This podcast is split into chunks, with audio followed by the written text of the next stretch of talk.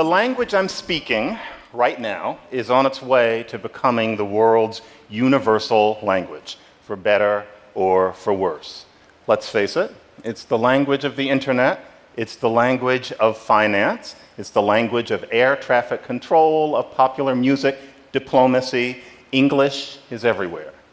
Now, Mandarin Chinese is spoken by more people, but more Chinese people are learning English than English speakers are learning Chinese. Last I heard, there are two dozen universities in China right now teaching all in English. English is taking over. And in addition to that, it's been predicted that at the end of the century, almost all of the languages that exist now, there are about 6,000, will no longer be spoken. There will only be some hundreds left.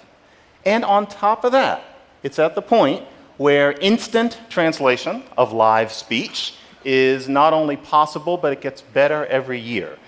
The reason I'm reciting those things to you is because I can tell that we're getting to the point where a question is going to start being asked, which is why should we learn foreign languages other than if English happens to be foreign to one? Why bother to learn another one when it's getting to the point where almost everybody in the world will be able to communicate in one? I think there are a lot of reasons, but I first want to address the one that you're probably most likely to have heard of, because actually it's more dangerous than you might think.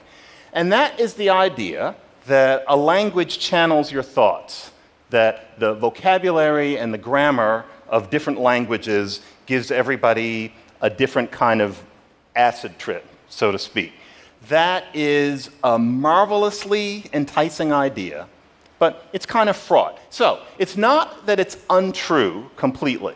So, for example, in French and Spanish, the word for table is for some reason marked as feminine.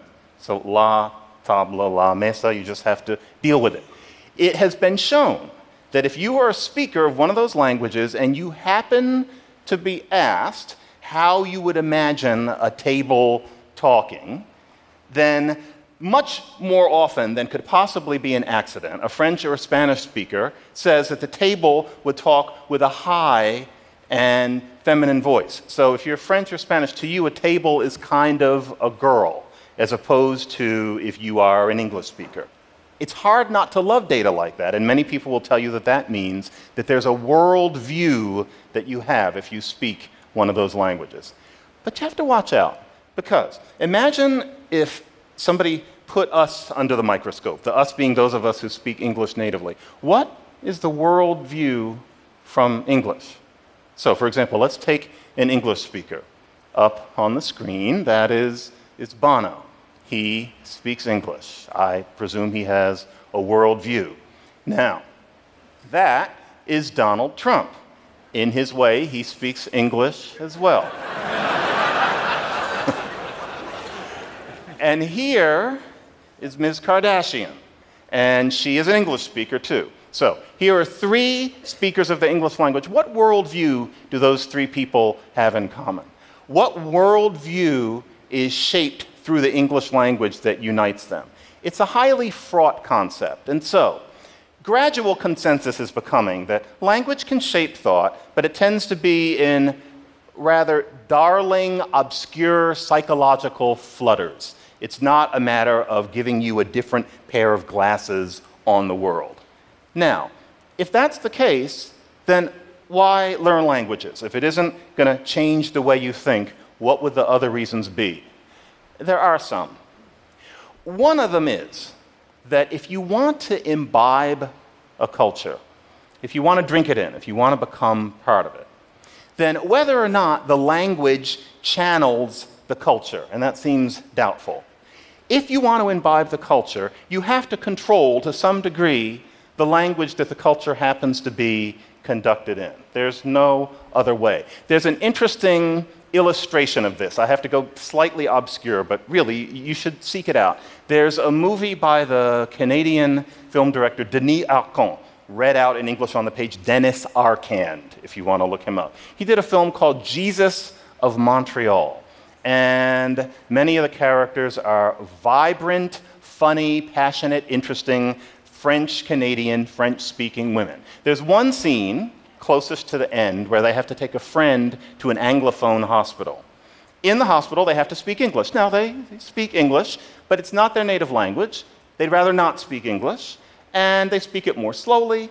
They have accents, they're not idiomatic. Suddenly, these characters that you've fallen in love with become husks of themselves, they're shadows of themselves. To go into a culture and to only ever process people through that kind of scrim curtain is to never truly get the culture. And so, to the extent that hundreds of languages will be left, one reason to learn them is because they are tickets to being able to participate in the culture of the people who speak them, just by virtue of the fact that it is their code. So that's one reason. Second reason it's been shown that if you speak two languages, dementia is less likely to set in, and that you are probably a better multitasker. And these are factors that set in early, and so that ought to give you some sense of when to give junior or juniorette lessons in another language. Bilingualism is healthy. And then, third, languages are just an awful lot of fun. Much more fun than we're often told. So, for example, Arabic, kataba, he wrote, yaktubu, he writes, she writes, um, uktub, write in the imperative. What do those things have in common? All of those things have in common the consonants sitting in the middle like pillars. They stay still, and the vowels dance around the consonants. Who wouldn't want to roll that around in their mouths? You can get that from Hebrew, you can get that from Ethiopia's main language, Amharic. That's fun. Or languages have different word orders. Learning how to speak with different word order is like driving on the different side of the street if you go to a certain country, or the feeling that you get when you put witch hazel around your eyes and you feel the tingle. A language can do that to you. So, for example, The Cat in the Hat comes back, a book that I'm sure we all often return to, like Moby Dick. One phrase in it is, Do you know where I found him? Do you know where he was? He was eating cake in the tub. Yes, he was. Fine. Now, if you learn that in Mandarin Chinese, then you have to master it. You can know I did wear him fine. He was tub inside, gorging cake, no mistake, gorging, chewing. That just feels good. Imagine being able to do that for years and years at a time. Or, have you ever learned any Cambodian? Me either, but if I did, I would get to roll around in my mouth not some baker's dozen of vowels like English has, but a good 30 different vowels scooching and oozing around in the Cambodian mouth like bees in a hive. That is what a language can get you. And more to the point, we live in an era when it's never been easier to teach yourself another language. It used to be that you had to go to a classroom and there would be some diligent teacher, some genius teacher in there, but that person was only in there at certain times and you had to go then. And then was not most times. You had to go to class. If you didn't have that, you had something called a record. I cut my teeth on those.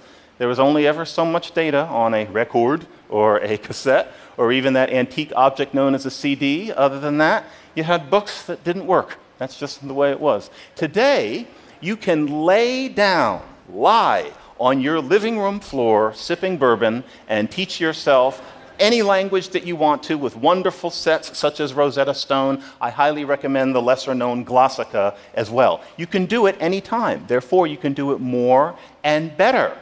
You can give yourself your morning pleasures in various languages. I take some Dilbert in various languages every single morning. It can increase your skills. Couldn't have done it 20 years ago when the idea of having any language you wanted in your pocket coming from your phone would have sounded like science fiction to very sophisticated people.